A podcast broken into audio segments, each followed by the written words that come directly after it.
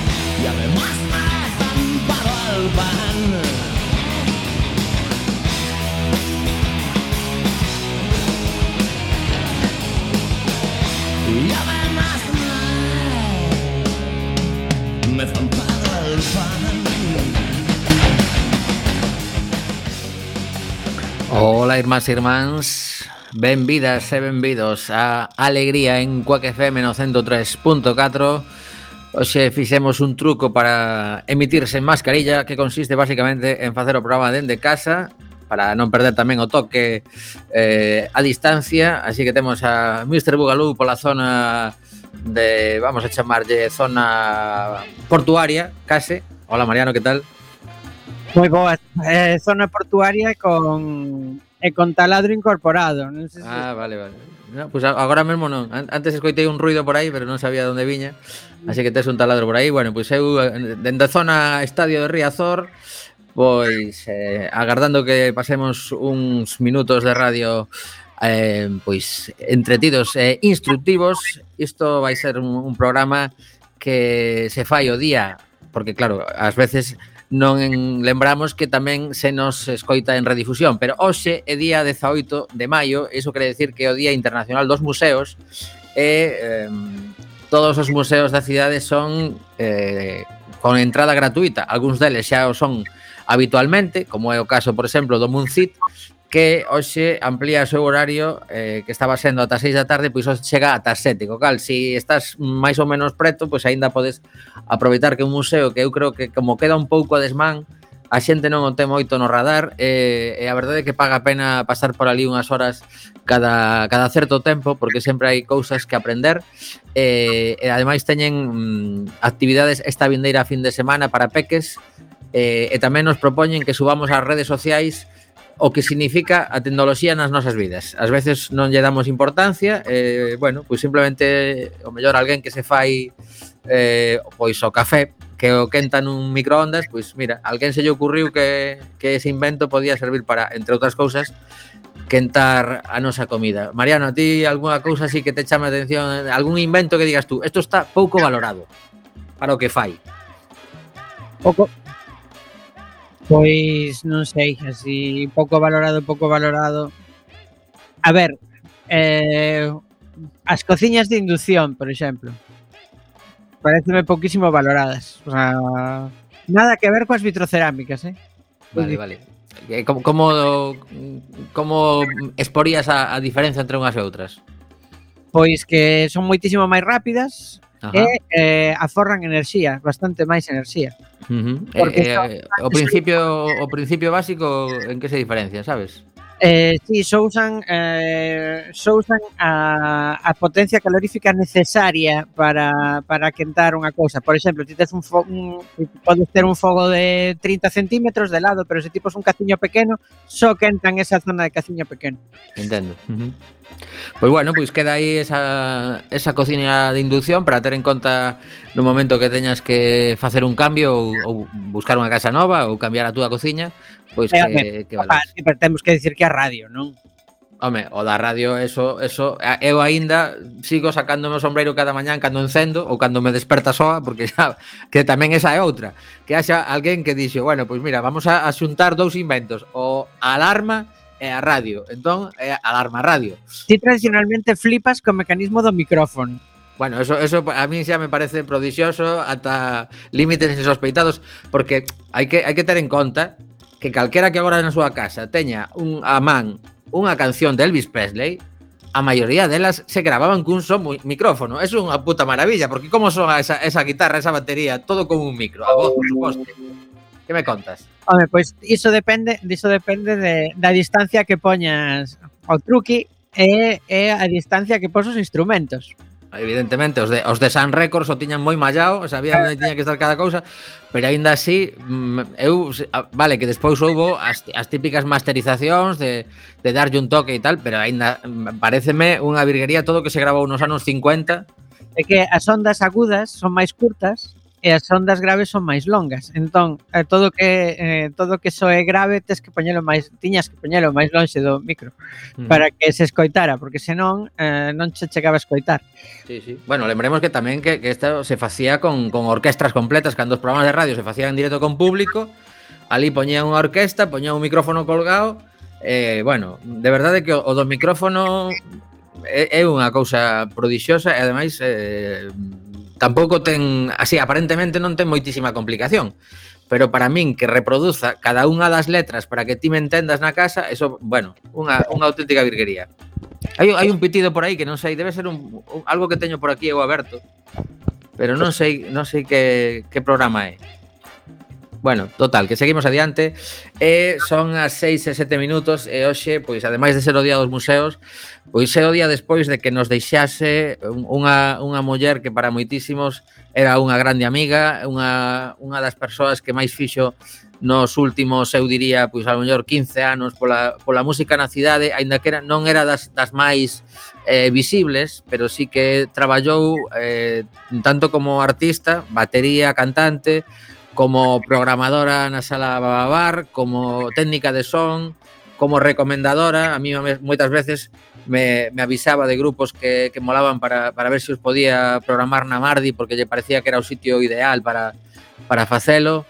E bueno, levaba bastantes meses eh, aí pelexando cun cancro de estómago e, e finalmente nos levamos o pau. Eu a verdade é que pensaba que estaba pois recuperando, ela transmitía sempre eh, o optimismo que llevíamos cando chegaba aos concertos viña cunha alegría no corpo despois de traballar un montón de horas porque era, era comercial andaba co coche dun sitio para outro pero aínda así chegaba con enerxía para disfrutar da música eh, e dende aquí pois eh, as cancións de hoxe van todas dedicadas a, a Eva Piñeiro a Eva Coyote Express para moita xente que incluso Coyote Express estivera nun dos aniversarios de Cuac ali na emisora aínda que Eva non estaba ese día na formación. Pero bueno, que, que imos votar moito de menos e que traballaremos para que non se esqueza pois eh, as, as moitas cousas boas que, que nos deixa Eva. Comezamos hoxe escoitando un blues de Eta James, que creo que, que lle vai gustar a Eva, que seguro que nos está a escoitar. Dalle aí, Mariano, por Eva.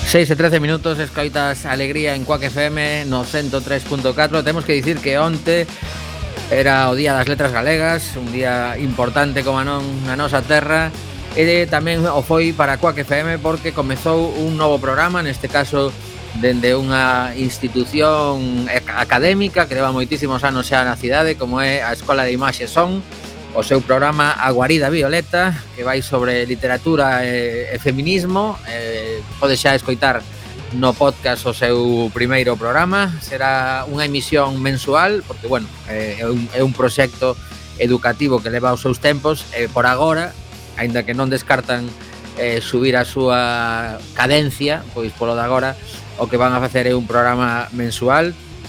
E, eh, bueno, pois, benvidas e benvidos a, a Quack FM. Dicir tamén que hoxe era un día no que eh, chegaba unha proposición de lei ao Parlamento Español. Ali estaba pois unha serie de partidos a favor de que xa esta proposición de lei, o que se chama lei trans, eh, pois fose aprobada a súa tramitación, pero decaeu porque o Partido Socialista decidiu votar eh, unha abstención eh, pese a que o resto de partidos intentaron, bueno, o resto de partidos do ámbito da esquerda e, e outros socios habituais do goberno nesta legislatura eh, votaron a favor desta proposición, pois eh, o PSOE considera que non hai garantías xurídicas en determinados puntos e aí se está empantanando o tema este que mm, a ministra Irene Montero eu escoitei, mientras preparaba o programa estiven escoitando a súa defensa do texto e dicía que non entendía moi ben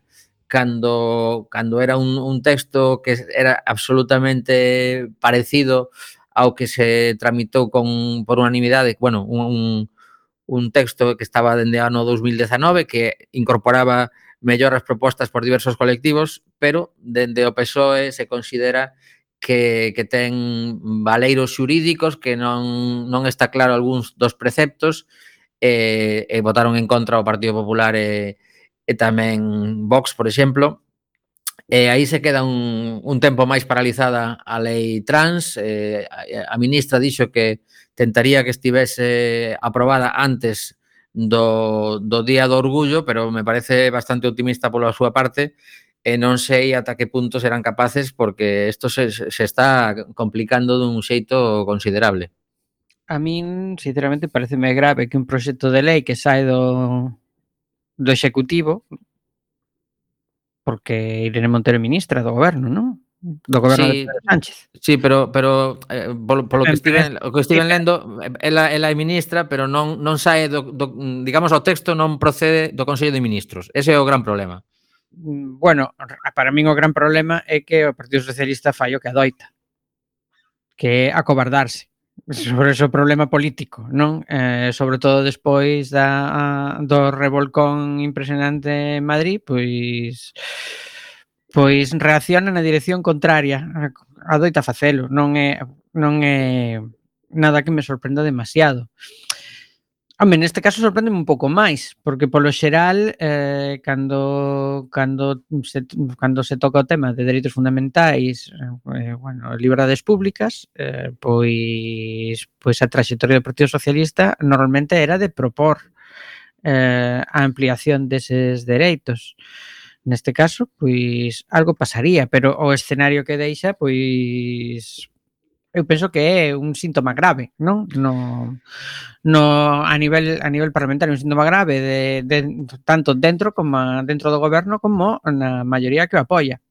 Claro, aquí o tema é que polo visto de, dentro do propio movimento feminista que hai moitas sensibilidades, pois tamén hai mm, feministas históricas que, que asinaron un manifesto eh, suscrito por diversos militantes socialistas sí, bueno, pero eh, que, e que, non, que, que amosaban o seu resitamento a esta lei. Por lo tanto, pois claro, xa se empeza a complicar. Eh, a roupa suxa lavase na casa. Debería, debería. Eh, ese es, ese o proxecto non estaba debidamente consensuado, pois igual era temerario levalo. E se estaba consensuado e se volven atrás, eh, pois é grave. E se simplemente eh, non se quere atender a razóns polo que for, é grave tamén, non? Quero dicir, se non hai consenso, se ese premio acelerador, pois é, é moi grave, porque realmente son as dúas partes do goberno eh, que non concordan na legislación que propón. O sea, non, non, está, está claro que... que... E ademais non é unha cuestión pequena, eh? estamos a falar dunha cuestión que, insisto, afecta a dereitos fundamentais, fundamentais liberdades públicas, que é o núcleo o, o núcleo da democracia. Uh -huh. E eh, non concordan niso. Pareceme grave. O sea. Igual que me parece grave que o Partido Popular concorde con Vox na oposición frontal, votando en e, contra. polo visto, eh, eh, eh, onte mesmo había dúbidas de si o Partido Popular absteríase ou votaría en contra, finalmente decidiron votar en contra tamén. Porque quero dicir, cunha abstención tanto de Partido Popular como do Partido Socialista, pois bueno, no trámite de emendas, non? Sempre se podería um, correxir ou amañar, pero claro, o, Claro, se precisan, se precisan máis, máis síes que noes para que continue o, o, o trámite parlamentario. Claro, pero cosa, cosa que non sucedeu, claro. Realmente ao deixar caer a, a, pro, a, pro, bueno, o proxecto de lei eh, é unha significación francamente fea de dunhas disensións que non auguran nada bo. Non. É que ademais, iso, eh, como xa, xa vimos, eu creo que en algún programa anterior comentamos que... Eu xa outra cousa bastante grave, eh, porque, eh, sinceramente, cos acontecementos de, de Ceuta, eh, penso que o tono, do, por exemplo, do tuit do presidente do goberno é terrible pois mira, ese, ese, eh, eu, imos falar dese tema, mm. pero non sei cal é o, o, o tuido no. que falas. Entón, eh, entramos, entramos agora, se si te parece, imos rematar con este tema, e agora nos pasamos a, ao tema de, de Ceuta, porque, porque tamén é, é algo que está que está pois eh, evidentemente chamando moitísima atención internacional, porque o que se está lembrando tamén que son finalmente fronteiras da, da Unión Europea que non implican só aos dous países que estamos aí tan pegados naquela zona, como son Marruecos, Marrocos e, e España, sino que xa entra en, en temas internacionais máis máis profundos. Home, sempre se fala do asunto de que estas cousas en as que traballar nos países de orixe, non? eh, non sei se está a facer. Hmm. Bueno, pois eh, deixamos aparcado o, o tema da lei trans. Eu vou tentar a ver si a ver si consigo unha entrevista con unha persoa que, que creo que, que nos pode dar unha visión moi certera, polo menos eu nesa consideración teño a, a persoa que vou tentar contactar nos vindeiros días eh, a ver se si seguimos eh, incidindo nisto, pero lembremos a conversa que tivemos hai pouco con cunha responsable dunha asociación galega que se preocupa pola, pola salud, saúde sexual e na, na conversa incidimos nos ratios de intentos de suicidio e, e de, e de mm, digamos, situacións absolutamente complexas de persoas que, que se atopan con, con que a legislación non acompaña pois esa transexualidade eh, que están pasando momentos moi duros e cada vez que isto se retrasa é un mazazo para, para, a súa, para a súa integridade, para a súa mente e para a súa vida, digamos. Igual hai que pensar niso cando se fan os debates parlamentarios. Sí, e, e, e incluso pois cando se fan fora do Parlamento é un pouco sabes, menos en grupos de presión e en outras cousas. Sí. Bueno, pois iso, entón aproveitamos xa que, que saiu unha conversa para eh, facer unha vou a buscar aquí a nova de que está sucedendo en en Ceuta en concreto é o sitio no que aínda que en Melilla tamén está habendo movimentos, pero Ceuta é eh, digamos que o, o lugar que está sufrindo máis pois esas necesidades que teñen moitísimas persoas en, en Marrocos que non que non teñen para comer e que se lanzan a desesperada sin, sin nada máis que unha camiseta, un pantalón e un calzado eh, a cruzar eh, a fronteira pues, eh, a nado a maioría das veces, aínda que tamén a través de buratos nas, nas eh, versas de separación que hai E, e agora coméntame, Mariano, ese, ese tuit, porque eu, en ese caso non sei que non sei de que falas. Bueno, o, o tuit de Pedro Sánchez foi Mi prioridade neste momento é devolver la normalidade a Ceuta. Sus ciudadanos y ciudadanas deben saber que cuentan con el apoyo absoluto del gobierno de España y la máxima firmeza para velar por su seguridad y defender su integridad como parte del país ante cualquier desafío. Xa. Eh, como Pedro Sánchez sabe, eh, calquera persoa sabe, hai dúas partes que, confer, que, con, que conforman un Estado. Non? Por un lado está a poboación e por outro lado está o territorio. E dicir que algo como un acontecemento como este pon en dúbida un deses elementos fundamentais en os cales non hai un Estado eh, é perigoso. Hmm.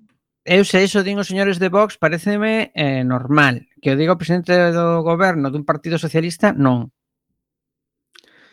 E se ten problemas con Marrocos, que seguramente será por isto, porque claro, cando escoitas a Pablo Casado, según segundo Pablo Casado, o que hai que facer é coidar moitísimo a Marrocos e que a nosa política migratoria sexa a que lle parece ben a Marrocos, e non andar molestando a Marrocos con temas de Sáhara nin con outras cousas, non? O sea, ese é o subtexto.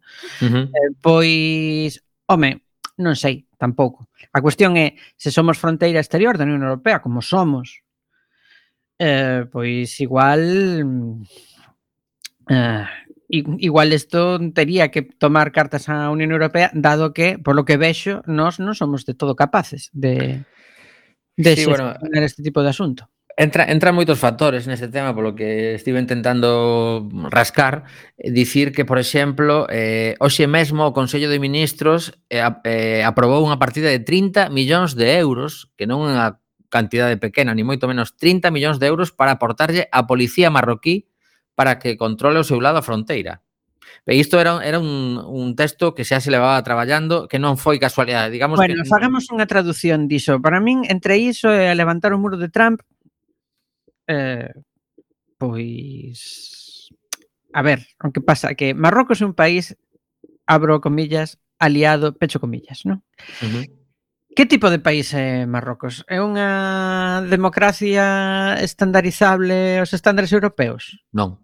Penso que poderíamos dicir que non, non? O que non sabemos é si, si bueno, en todos os telexornais, eu vin dous Estamos, telexornais hoxe. E por que non? Claro, por que non? Pois porque as democracias que non teñen un stand, bueno, os, os estados que nos con, que nós non, non consideramos unha democracia estandarizable é porque non teñen un respeto suficiente dos dereitos fundamentais e liberdades públicas. Outra vez volvemos con iso.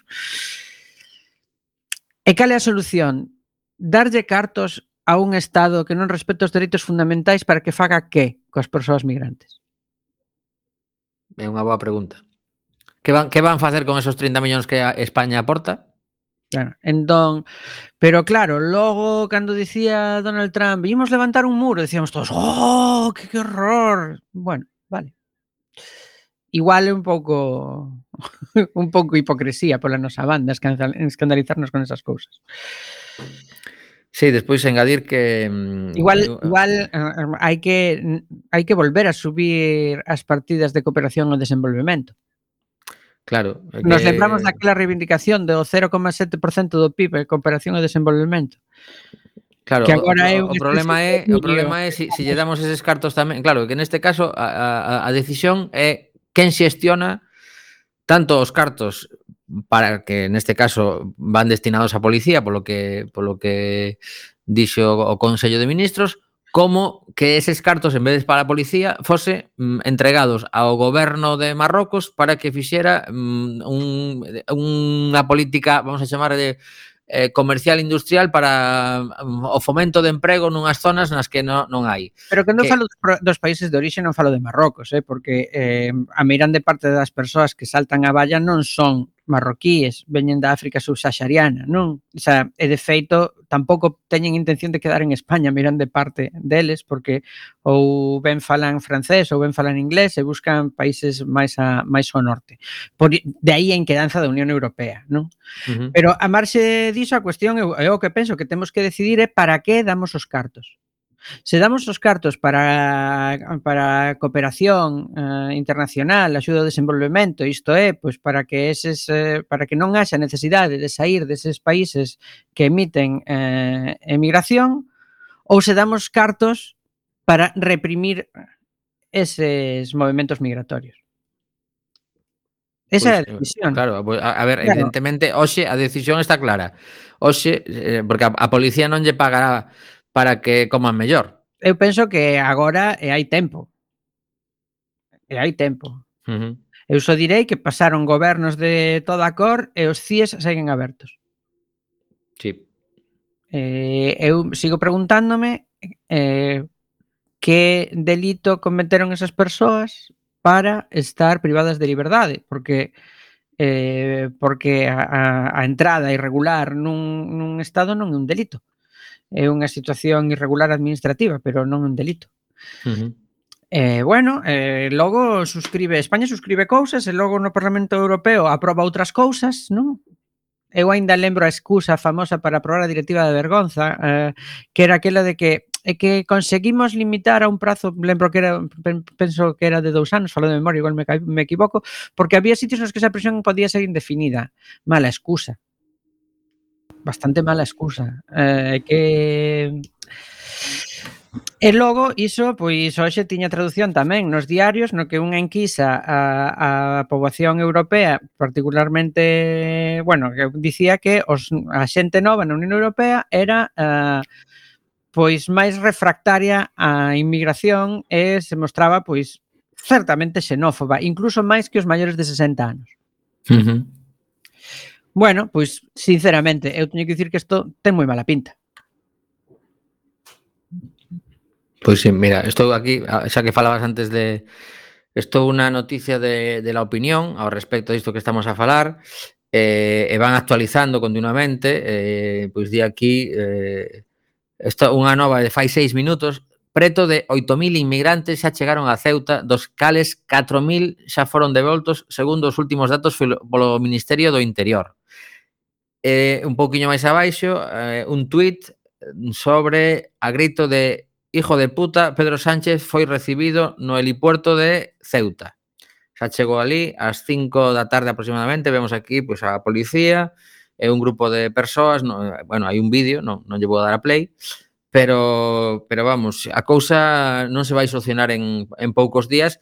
E lembremos tamén que hai outro factor máis que mm, semella que de algún xeito está relacionado con todo isto é que Marrocos está enfadada porque eh, no, no hospital de Logroño está, está sendo tratado de COVID e, e outra enfermidade, non lembro agora a galera, un, un representante da, digamos da do, do Sáhara que, que lles pareceu fatal que este, que este en España e, e bueno, parece ser que é un dos motivos eh, polos que dixeron, bueno, pois agora vos ides enterar.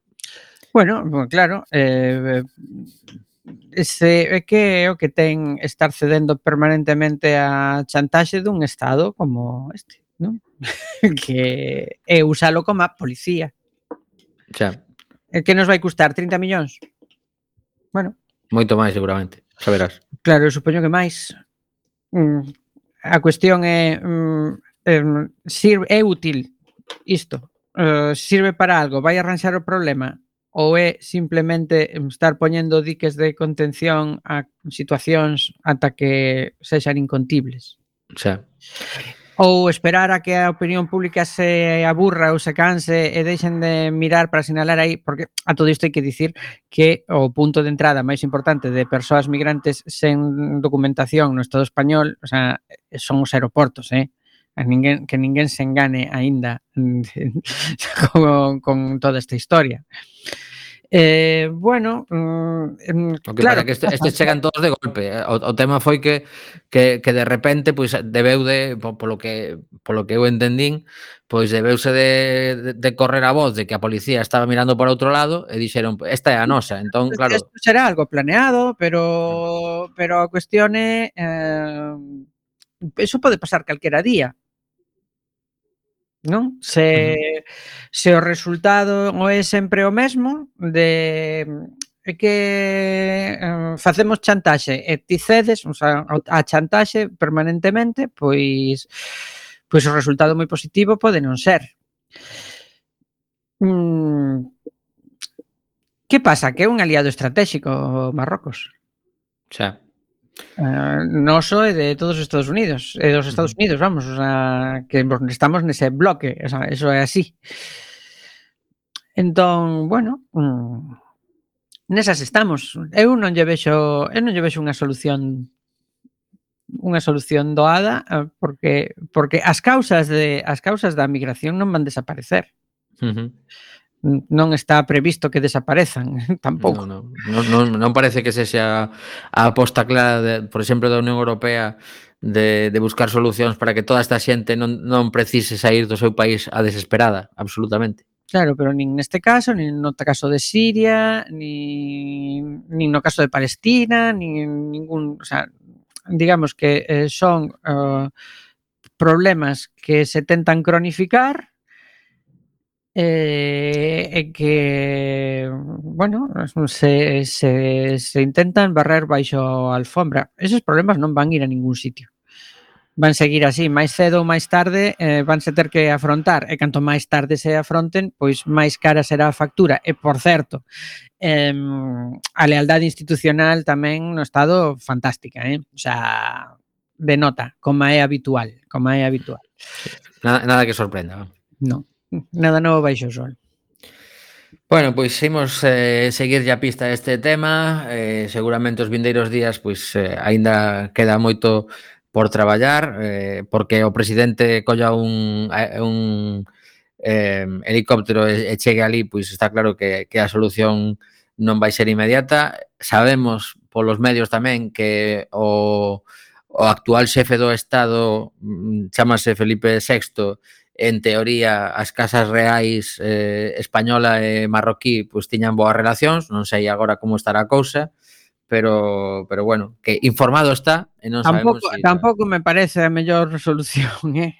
Quere dicir eh, darlle á xefatura do Estado un protagonismo na diplomacia eh, e na estrategia diplomática dun goberno, pois pues bueno, eh, non sei se me parece de todo acertado, non?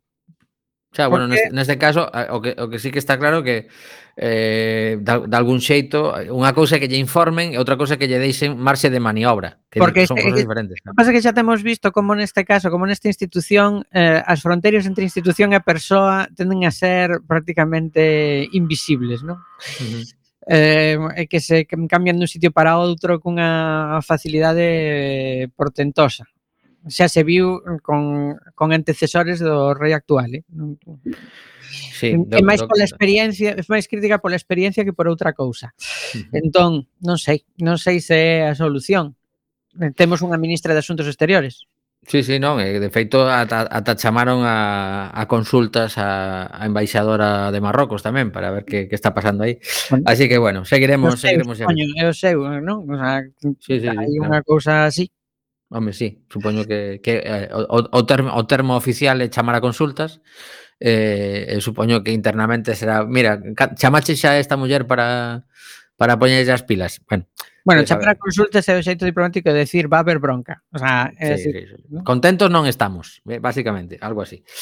Bueno, pois pues son as 6 e 37 minutos eh, imos escoitar a segunda canción. A Creedence Clearwater Revival é un, unha das bandas eh, referencia para para Eva Piñeiro, para Eva Coyote, e hoxe precisamente pois estaba eh, no tanatorio José Ángel Colorado e me dicía cantas cancións cantamos xuntos da Creedence, eh, non podía faltar este Fortunate Song Creedence Clearwater Revival en alegría para Eva Piñeiro.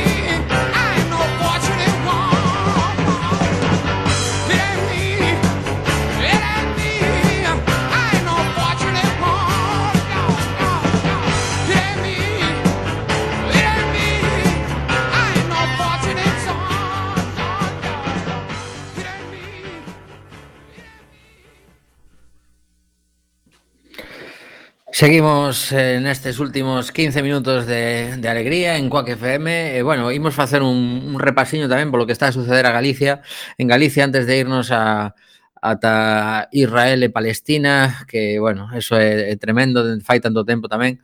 Outra das cousas, como dicía Mariano, pois que se cronifica o problema e, e non hai forma de, de solucionalo. Pois eh, traio un par de cousas que creo que son interesantes. Despois de 12 anos, por fin, parece que os grupos parlamentarios eh, mm, que están representando aos galegos mm, iniciaron os trámites para eh, modificar as seis persoas que están no Consello de Administración da CRTVG, a Corporación Radio e Televisión de Galicia. Eh, pois eh, acaba de, de abrirse este trámite no que van ter que propoñer a unha serie de persoas e as propostas deben ser aprobadas por dous terzos da Cámara, que son 50 escanos, ou tres quintos en segunda votación, que son 45, algo que levaban reclamando moitísimo tempo, eh, pois con ese, ese eh, hashtag de, de Defende a Galega, eh, os Benres Negros, eh, elevaba 12 anos pois, o, o, mesmo, o mesmo director xeral, Alfonso Izquierdo, Alfonso Sánchez Izquierdo, eh, e a ver que pasa se si hai, se si hai acordo ou, ou, ou seguimos tamén con, con Empantane polo tema dos cargos. Eu non sei se será doado isto de que se poñan de acordo cos nomeamentos cando hai unha forza pois que ten maioría absoluta, pero neste caso non é suficiente para, para que nome aos cargos.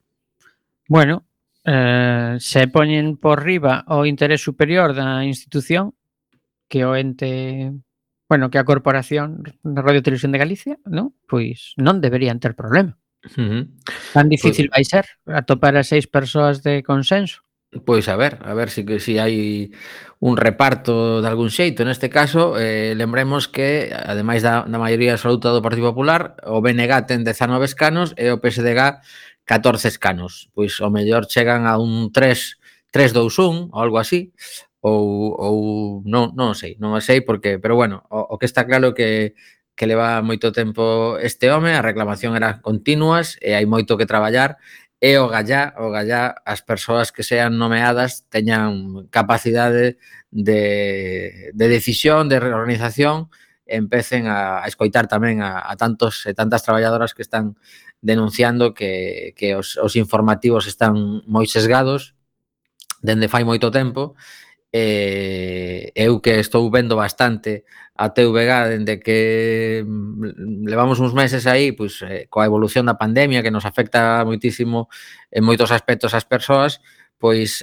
adoito ver durante 20 minutos máis ou menos ao mediodía o telexornal eh, realmente daría para facer unha, eh, un análise eh, moi polo miúdo dos tempos que se dedican a cada cousa, da visión que se dá do que fai mm, os, os bons e os malos. Está tan claro cando ves un telexornal de quen, quenes son os bons e quenes son os malos sempre, eh, bueno, é, é moi moi significativo. Bueno, eh, non é, non, isto é especialmente grave porque se trata dunha televisión pública.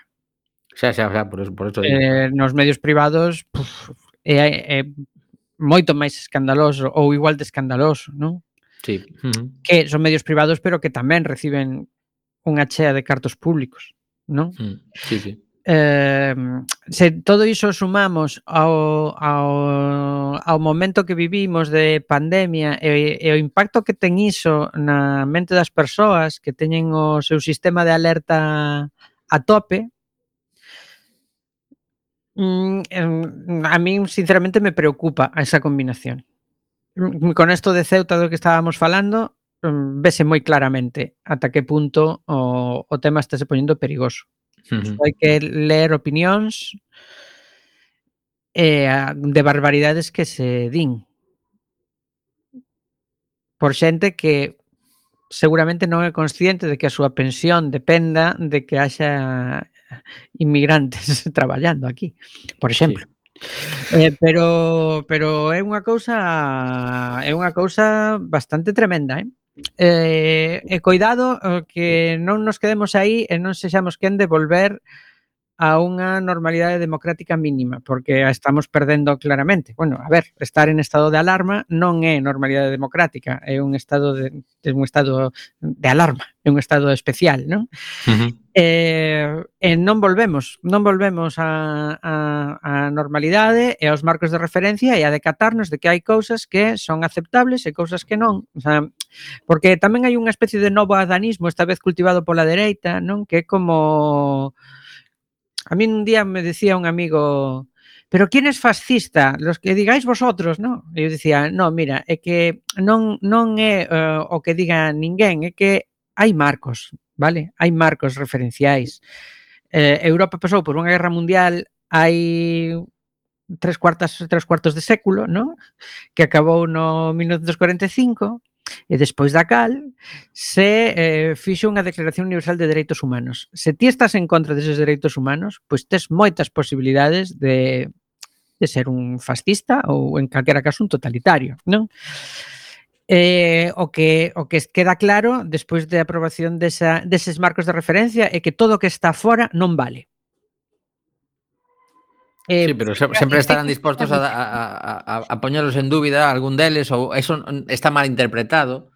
Sei que esqueceimos iso, o sea que se eh, nos, foise eh, nos... Sí, bueno, claro, eh, os refuxados, que mal, non? Os refuxados, que mal... Que mal a xente que fuxe das guerras ou que sufre dunhas, dun, dun territorio e se intenta fincar en outro. Que mal, a non ser que sexas Israel, non? Por exemplo. Xa ou, ou que fosen os, os nosos avós cando marcharon a algún que sitio. Os nosos porque... avós cando iban fuxindo da ditadura ou que eh, eh, o, o, o, a xenofobia basicamente quere dicir odio ao que é diferente, non? O sea, odio sí, distinto. Sí, sí. Pois eh, eso está, mm, eso prendeu. Sí, sí. Prendeu e eh, eh, chegamos tarde E o problema non xa é só que cheguemos tarde, senón que hai forzas que se din democráticas que están tonteando moito con esa idea. Uh -huh. Pois sí, bueno, pois isto en canto a TVG é outra outra cousa que, que resulta curioso, igual que eh, a semana pasada, se si non lembro mal, porque eu teño a memoria moi mala, Mariano, e non sei se o comentamos no programa ou foi algo que, que estiven eu comentando, non, creo que foi eh, a través de Facebook, o tema da, da lei eh, de reforestación de Galicia que facía un, unha unha um, redacción do texto que falaba da, eh, a ver se si me lembro do, do que teñan presencia desa especie. Con iso, se hai catro eucaliptos perdidos nun monte de carballos, o que pode suceder é que se considere que hai presencia desa especie e a seguinte a seguinte repoboación pode ser completamente de eucaliptos. Eso está na, na lei de reforestación que se aprobou por parte do Partido Popular é que eh, esta persoa que facía fincapé, que eu agora estou lembrando que creo que foi foi no meu Facebook, eh, facía fincapé nesa, nasa pequena, bueno, pequena no, esa gran trampa legal que é ter presenza de dá dereito a reforestar todo por eses que teñan presenza. Non non que se si, si non existe un mínimo, non sería o mesmo dicir, se hai un 50% de, de, de tal especie, pódese eh, repoboar, non. A, a frase exacta é ter presenza. E claro, aí é feita a trampa. Bueno, pois ao que ia disto, é que resulta, non sei se sabías, que a Xunta de Galicia ten previsto poñer cartos para subvencionar caixeiros automáticos nos concellos nos que os bancos xa non teñen oficina. Sí. Ben, pois o seguinte que sucede é que, eh, en principio, des, des prometera aos concellos eh, receptores desos caixeiros que non ian ter que aportar nada, pero cando chega o documento aparece que os concellos serán os responsables de pagar o consumo eléctrico, o, a conexión de internet e a limpeza do espazo. Genial, non?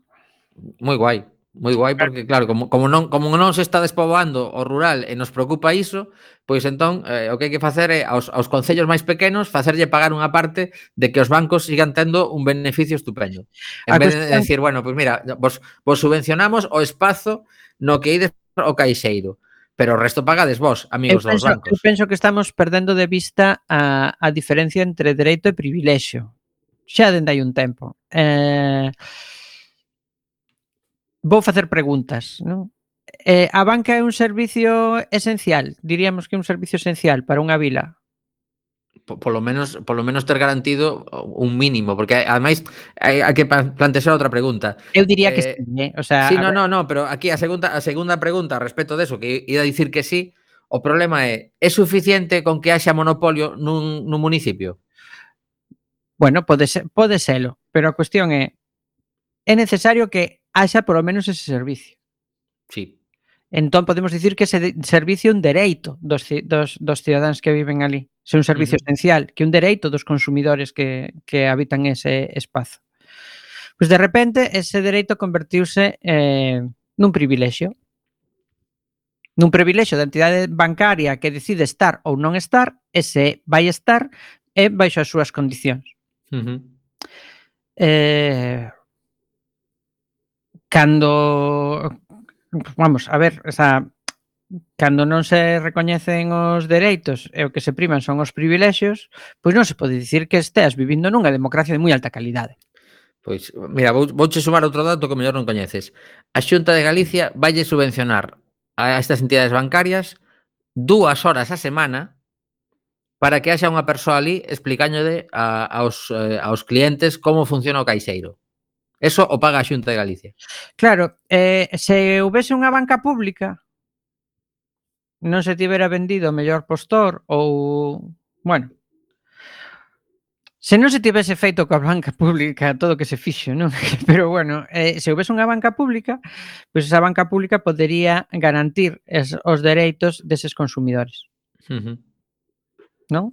Sí, sí, sí. Pero como non hai, Pois así estamos. Bueno, pois imos cos últimos minutos do programa. Aparcamos que logo, Galicia, logo chegará sí. alguén que di que eh, o mercado asigna correctamente os recursos. Bueno, por certo, non sei se eh, para a xente que non se enterou, o pasado Benres a Xunta de Accionistas de, de CaixaBank aprobou que o máximo dirixente vai, vai ter un salario de 1,65 millóns de euros este ano, o triple do que estaba cobrando previamente, cando simultaneamente estaban a plantexar o despedimento de 7.700 traballadores. Claro, mm, sí que é certo que, eh, polo visto, o, o goberno ten algún representante nese Consello de Administración e votou en contra disto, pero eh, non foi suficiente para que decaese a proposta. Polo tanto, pois temos a un home que se vai a, a levar uns cartos eh, inxentes para a súa casa eh, mentres eh, o Estado vai ter que afrontar o pagamento de, do despedimento de moitísima xente durante o tempo que lle corresponda, que seguramente a maioría deles pois teñan eh, o tempo completo de paro, eh, teremos que pagarlle entre todos a esta xente para que manteña o seu nivel de beneficios e reparta os correspondentes dividendos. Pois yupi, non? Pois festa. Que pois máis sí. queremos? Nos queixámonos de vicio. Pois sí. Bueno, pois falando de queixarse de vicio, o que o que está isto mm, xa, eu xa, xa non sei como calificar eh, o que está facendo cada dous por tres Israel co povo palestino eh, normalmente todo parte de algún tipo de mm, suposto conflito religioso, sempre se aproveita momentos delicados pois do Ramadán e, e cousas eh, similares que a min se me escapan, a verdade, eh, para, para que haxa escaladas de tensión e a partir de aí, pois parece que hai barra libre de lanzamento de bombas porque debe ser que lle caduca esta xente ou algo. Non, bueno, eu penso que gobernando quen está gobernando, o, que de feito mesmo dicían que, que o propio exército israelí dicía ao primeiro ministro que, bueno, que mellor levantar un pouco o pé, non?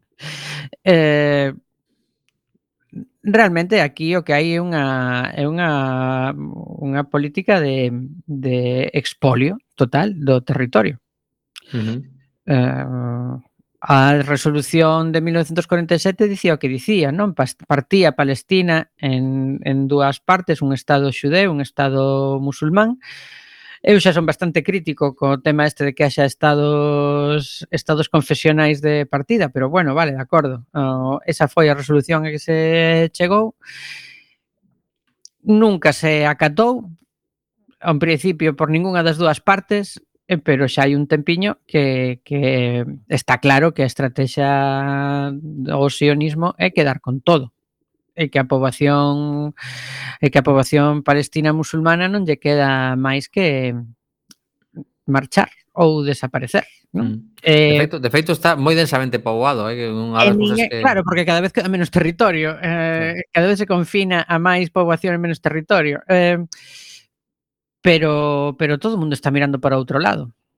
Bueno, todo o mundo manda unha carta de, mira, a ver se si paráis. Ah, sí, estamos indignados, pero non facemos nada ao respecto, entón. O sea, mm pois así non se vai solucionar.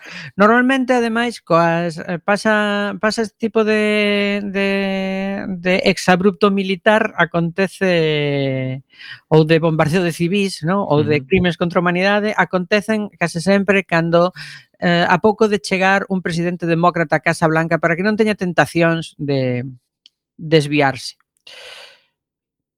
eh, porque con con, con republicanos no goberno non é necesario. Uh -huh. Xa saben que non se van desviar. Pero aos, dem aos presidentes demócratas adoitalles pasar, sobre todo se lles toca un primeiro ministro do Likud, pum, aí o tes. Sí, ás veces chama eh, unha das cousas que chama a atención neste caso, por exemplo, estou estou lendo en neste caso en El País eh, eh, eh pon aquí eh, eh, 120 cohetes lanzados dende o enclave palestino dispararon as alertas no centro de Israel, en particular a superpoboada área de Tel Aviv, onde causaron unha dúcia de feridos. O sea, lanzan 120 cohetes e firen a 10 persoas. É curioso. O sea, mm, esto, esto sae un ratio horrible. Porque son eh, foguetes así o tuntún, non moi non sei, non sei, é unha cousa pois pues, é como como tirar tirar por para cabrearlos máis, pero despois non non ter, non sei, non sei, me parece me parece un tema tan complexo e, e tan aterrador que, que te pille unha, unha zona na que vives, pois pues que de repente empecen a chegar bombas, eh, se nos acaba o programa. Bueno, pois que voltaremos a vindeira semana